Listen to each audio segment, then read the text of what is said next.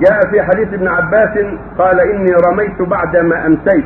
قال لا حرج صححه البيهقي فهل هذا صحيح وأنه يجوز رمي جمرة العقبة بعد غروب شمس يوم النحر. هذا جاء عن النبي صلى الله عليه وسلم سئل يوم النحر يعني البخاري أنه سئل يوم النحر مو في يوم التشريق سئل يوم النحر بعد قال الحسين رميت بعد ما أمسيت. يعني رمى في آخر النهار. هذا مجزي عند الجميع إذا رمى آخر النهار مجزي يوم العيد. لو جرى بعد الظهر بعد العصر لا ما هم معناه في الليل؟ لأنه سأله قبل أن يجيء الليل سأل النبي قبل أن يجيء الليل. ما رميت بعد ما أمسيت وبعد ما دخلت في المساء بالزوال. وكان الشمس دخل في المساء؟ هذا معناه أنه رمى بعد الظهر أو بعد العصر فيجزئه ذلك أما الرمي بعد غروب الشمس هذا محل خلاف بين أهل العلم.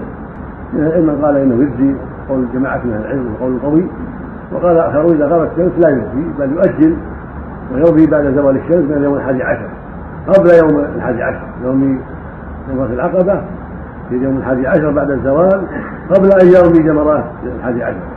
هذا هو مشهور عند العلماء.